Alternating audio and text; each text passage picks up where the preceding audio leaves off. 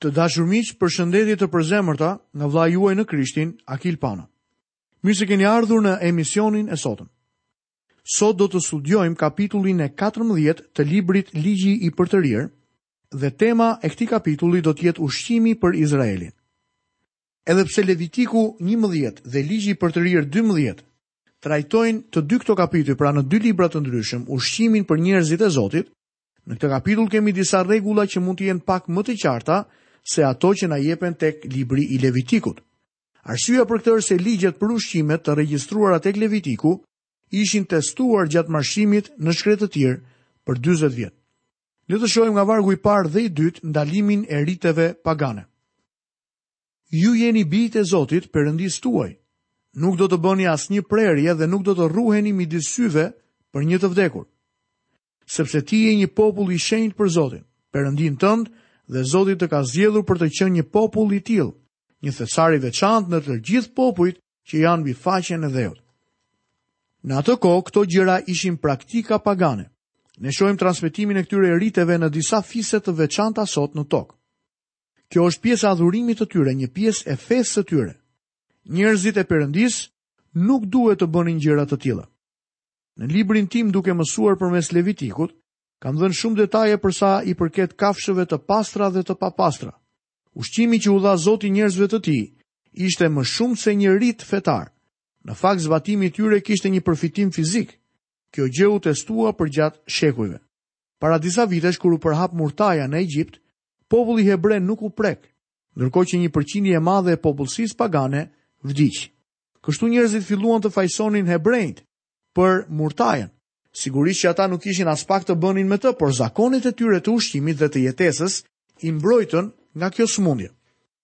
Ne sot jetojmë në një kohë ku ka lloj-lloj ushqimesh, secili duket i interesuar tek ushqimi. Perëndia nuk ka dhënë ligje specifike ushqimi për mua dhe ty. Nuk ka rëndësi nëse ha mish apo jo, për të patur një marrëdhënie me Perëndinë. Gjithsesi nëse i zbatoni këto ligje, mund të qëndroni në këtë botë pak më shumë, dhe nëse nuk i zbatoni, mund të shkoni në prezencën e Atit më shpejt. Me fjalë të tjera, nëse abuzoni me ushqimin, atëherë do të keni probleme fizike. Tani ai deklaron kafshët që përfshihen dhe ato që nuk përfshihen në ushqim.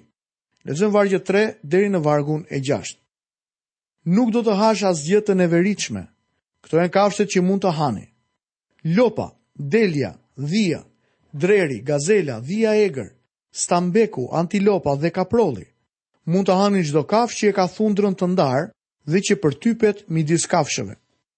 Këto ishin kafshët e pastra që këta njerëz, populli i Zotit, mund të hante. Kafshët e pastra identifikoheshin nga dy shenja që na mësojnë disa mësime shpirtërore. Thundra e kafshëve duhet të ishte e ndarë. Kjo mund të simbolizojë ecjen e besimtarit. Thundra e ndarë simbolizon jetën e ndarë. Në qëndrimin e krishterë të sotëm është futur shumë liberalizëm. Ka shumë njerëz që nuk e kufizojnë veten vetëm me dhjetë urdhërimet, por i kanë shtuar edhe nja njëzet e pesë të tjera dhe jetojnë sipas tyre. Nuk besoj se Perëndia po tregon këtë me anë të thundrës së ndarë. Fjala ndaj në fakt ka dy kuptime të kundërta. Të ndash do të thotë të copëtosh ose të ndash veç e veç dhe t'i bashkëngjitesh diçkaje. Kjo është e vërtetë edhe për ndarje. Dikush mund të jetë i ndarë prej diçkaje ose i ndarë për diçka. E rëndësishmja nuk është të jesh i ndarë prej disa aktiviteteve apo zakoneve të caktuara, por të jesh i ndarë për Krishtin. Kur je i ndarë mënjanë për Krishtin dhe i bashkuar me të, ecja jote do të pësojë një ndryshim radikal. Shenja e dytë e kafshëve të pastra ishte përtypja. Mësimi shpirtëror këtu është se ne duhet të kalojmë kohë me Fjalën e Zotit. Psalmi një dhe vargu i dytë na tregon, por që gjen kënaqësinë e tij në ligjin e Zotit dhe që mendon thellë ditë e natë mbi ligjin e tij. Vargu i parë i Psalmit të parë Fillon me Lum njeriu i bekuar është njeriu që gjen kënaqësi në ligjin e Zotit dhe mediton mbi të. Fjala meditoj është pak a shumë si e përtypura, kjo gjë ilustrohet nga lopa që ka një stomak të përbërë. Kur lopa kullot bar në mëngjes, në fillim shkon në një dhomë të stomakut të saj, Në mes të vapës lopa ulet nën një pemë ose qëndron në hije dhe ripërtyp ushqimin që transferon barin nga një dhomë në një tjetër. Përtypja është ripërtypja e barit. Pikërisht këtë duhet të bëjmë edhe ne me fjalën e Zotit. Ne duhet ta kalojmë atë herë pas here duke medituar mbi të. Kafshët e papastra nuk i përmbushin këto dy kritere. Disa përtypin ushqim, por nuk e kishin thundrën të ndarë. Derri kishte thundrën e ndarë por nuk e përtypte ushqimin. Kafshë të tilla u shquan si të papastra dhe nuk duheshin ngrënë. Edhe disa kafshë të detit u cilësuan si të papastra. Lexojmë vargun nëntë dhe dhjetë. Ndër të gjitha kafshët që rrojnë në ujë, mund të hani të gjitha ato që kanë pendë dhe luspa, por nuk do të hani asnjë nga ato që nuk kanë pendë dhe luspa, janë të papastra për ju. Krijesat ujore duhet të karakterizoheshin nga dy shenja të dukshme, pendët dhe luspat në mënyrë që të mund të përdoreshin për të ngrënë. Pastaj vijon një listë me zogj të pastër dhe të papastër. Ka shumë njerëz që mundohen ta fusin veten në ligj dhe dinë shumë gjëra në lidhje me ngrënien e derrit. Nëse ndonjë prej tyre fillon të mëshajë për ngrënien e mishit të derrit, unë i kujtoj vargun e 12. Lexojmë vargun 11 dhe 12. Mund të hani çdo zog të pastër, por nuk do të hani këto. Shqiponjën, shqiponjën e detit dhe fajkuan e detit. Para disa vitesh një miku im doktor më tha se nuk duhet të haja mish derri. Një ditë ndërsa po luanim tenis e pyeta. Ke ngrënë ndonjëherë shqiponjë apo fajkua? Ai më pa me habi dhe më tha se nuk e dinte se çfarë ishin. Atëherë i thashë, do të bëje mirë ta gjeje sepse unë mund të të ftoj ndonjë ditë për drekë dhe të kem shqiponjë deti të pjekur. Dhe nëse nuk do ta dije, do të ishte njëlloj sikur të haje mishin e derrit. Ai më tha, nuk e dija këtë. Kështu që i thashë t'i hidhte një sy këtij kapitulli në librin e Levitikut. Lexojmë poshtë vargjet 22 dhe 23. Do të zotohesh të japësh të dhjetën e asaj që mbjell dhe që të prodhon ara çdo vit. Do të hash përpara Zotit Perëndisë tënd në vendin që ai të ka zgjedhur si vendbanim për emrin e tij, të dhjetën e grurit tënd, të mushtit tënd, të vajit tënd dhe pjelljen e parë të tufave të bagëtive të trasha dhe të imta, në mënyrë që ti të mësosh të kesh gjithnjë frikë nga Zoti Perëndia yt. Perëndia premtoi t'i bekonte njerëzit materialisht nëse do t'i shërbenin. Nga ai bekim ata do t'i jepnin Zotit të dhjetën e prodhimit të tokës dhe të dhjetën e tufës. Kjo e dhjetë duhej ngrënë para Zotit në vendin e shenjtores. Kjo do të ishte një festë speciale para Zotit. Lexojmë vargjet 25 dhe 26. Atëherë do t'i këmbesh ato me para dhe me paratë në dorë, do të shkosh në vendin që ka zgjedhur Zoti Perëndia yt dhe do t'i përdorësh këto para për të blerë të gjitha ato që dëshiron zemra jote, Lopë, dele, verë, pije dehëse, ose çfarëdo gjëje që dëshiron zemra jote, dhe aty do të hash përpara Zotit Perëndisë tënd dhe do të gëzohesh ti bashkë me familjen tënde. Nëse jetonin shumë larg nga tempulli dhe nuk mund të sillnin të dhjetën e prodhimit apo të bagëtisë së tyre, atëherë duhet t'i shkëmbenin me para dhe t'i blinin Zotit oferta kur të shkonin atje. Lexojmë vargun e 28. Në fund të çdo tre viteve do të vësh mënjanë të gjitha të dhjetat e prodhimeve të tua të vitit të tretë dhe do t'i vendosësh brenda portave të tua. Nëse do ta hetonit me kujdes ligjin, do të zbulonit se ata paguanin tre të dhjeta, pra 30% e gjithçkaje që fitonin i shkonte Zotit dhe jo vetëm 10%. Me sa duket e dhjeta shkonte menjëherë në tempull, por ishte gjithashtu edhe kjo e dhjetë në fund të tre viteve. Lexojmë vargun e njëzet e nëntë. Dhe leviti që nuk ka pjesë as trashëgimni me ty dhe i huaji, jetimi dhe e veja që gjenden brenda portave të tua, do të vijnë, do të hanë dhe do të ngopen me qëllim që Zoti Perëndia yt të të bekojë në çdo punë që do të zërë dora. Perëndia donte që levitët të kryenin shërbimin shpirtëror për popullin, të kujdeseshin për të. Vini re interesimin e Zotit për të varfrin. Këtu kemi përfunduar studimin mbi kapitullin e 14 në ligjin e përtërirë dhe tani menjëherë fillojmë studimin tonë në kapitullin e 15 të këtij libri. Temat që do të shohim mbi këtë kapitull janë këto. Programi i Zotit për varfërinë, skllavi i përhershëm dhe sakrifica e përkryer është Krishti. Në ditët e sotme dëgjojmë shumë projekte për varfërinë. Njeriu ka sajuar shumë programe, por shpesh nuk funksionojnë. Perëndia ka një program varfërie që funksionon shumë mirë. Në këtë kapitull do të shohim një pjesë për skllavin e përhershëm. dhe në fund do të shohim një tip të sakrificës së përkryer që është Krishti. Lexojmë nga vargu i parë i kapitullit të 15. Në mbarim të çdo 7 viteve do të bësh faljen e borxheve. Çdo vit i 7 është një vit shtunor. Në atë vit duhej bërë falja e borxheve, pra një vit sabati. Lexojmë më poshtë nga vargu i dytë. Dhe kjo do të jetë forma e faljes. Çdo huadhënës do të falë atë që i ka dhënë hua të afërmit të tij. Nuk do të kërkojë kthimin e saj nga i afërmi dhe nga vëllai i tij, sepse është shpallur falja e borxheve nga Zoti. Perëndia u kishte thënë se tokat duhej lënë djerrë çdo vit të shtatë. Tani mësojmë për faljen e borxheve në vitin e shtatë. Një izraelit nuk mund ta merrte pengun nëse kalonin shtatë vjet.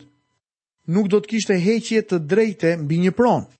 Dhe kur vinte viti i shtatë, paratë e marra borxh dhe pengjet e lëna fshiheshin. Ky sistem ishte një barazues pasurish. Çdo njeriu i jepej një mundësi e barabartë. Socializmi që mbrohet sot nuk merr parasysh faktin që njeriu është një krijesë mëkatare. Nëse do të merrte diçka për asgjë, ai nuk do të punonte për të. Kjo është e sigurt.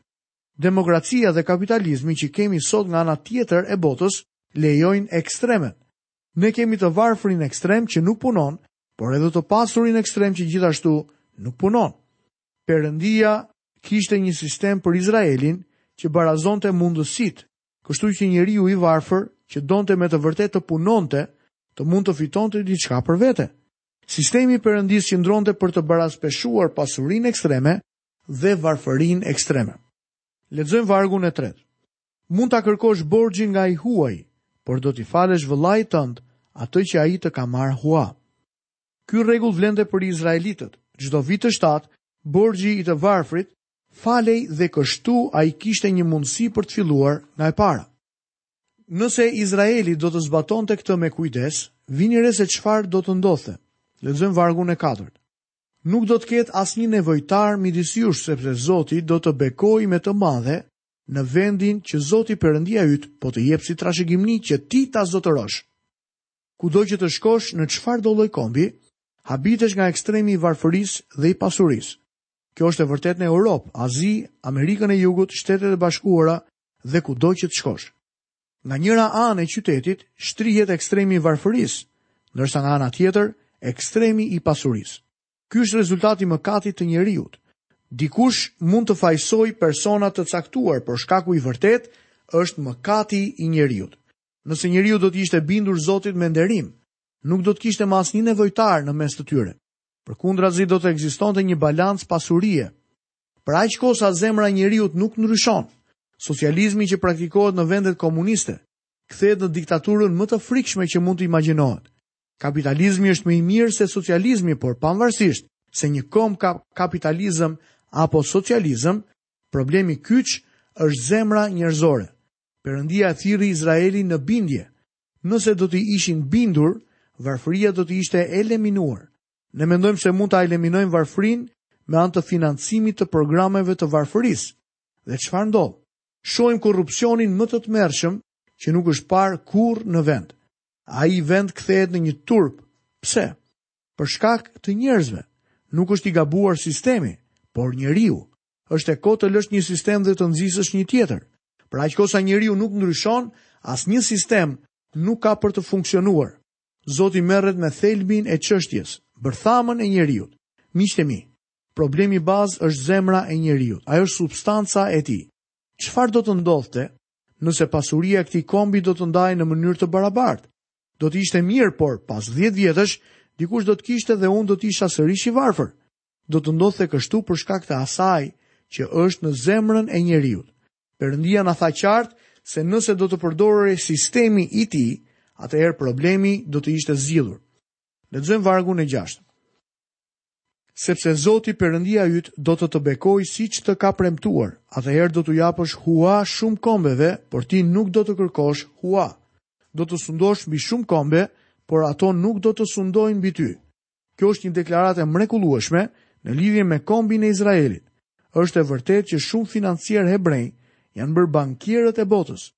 Do të sundosh mbi shumë kombe, por ato nuk do të sundojnë mbi ty. Nuk është përmbushur akoma. Pse? Sepse deri më sot Izraeli vazhdon të mos i bindet Perëndisë.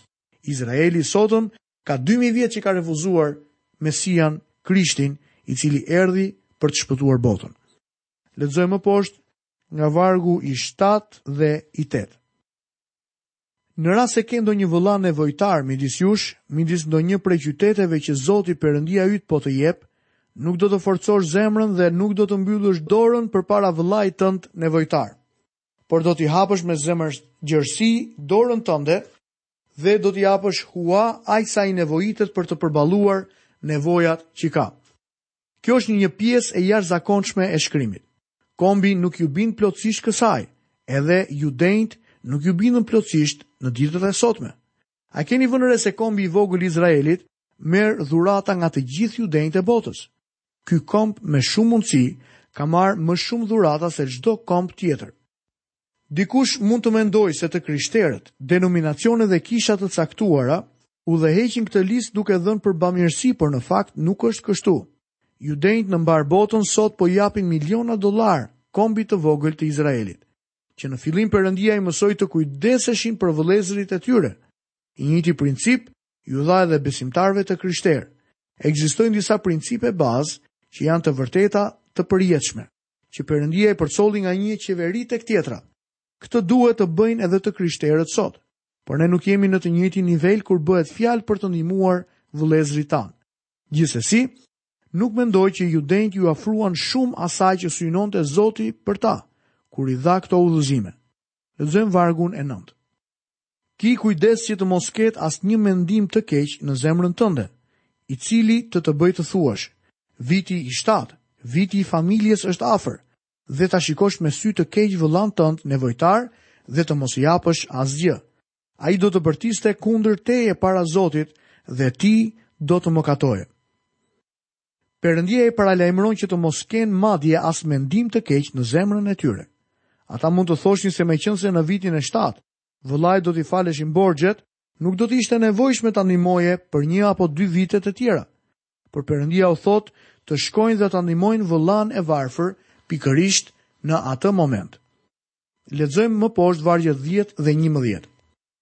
Jepi me bujari dhe zemra jote të mos trishtohet kur i jep, sepse pikërisht për këtë Zoti Perëndia yt do të të bekojë në çdo punë tënden dhe në çdo gjë që do të të zërë dora. Sepse nevojtarët nuk do të mungojnë kurrë në vend.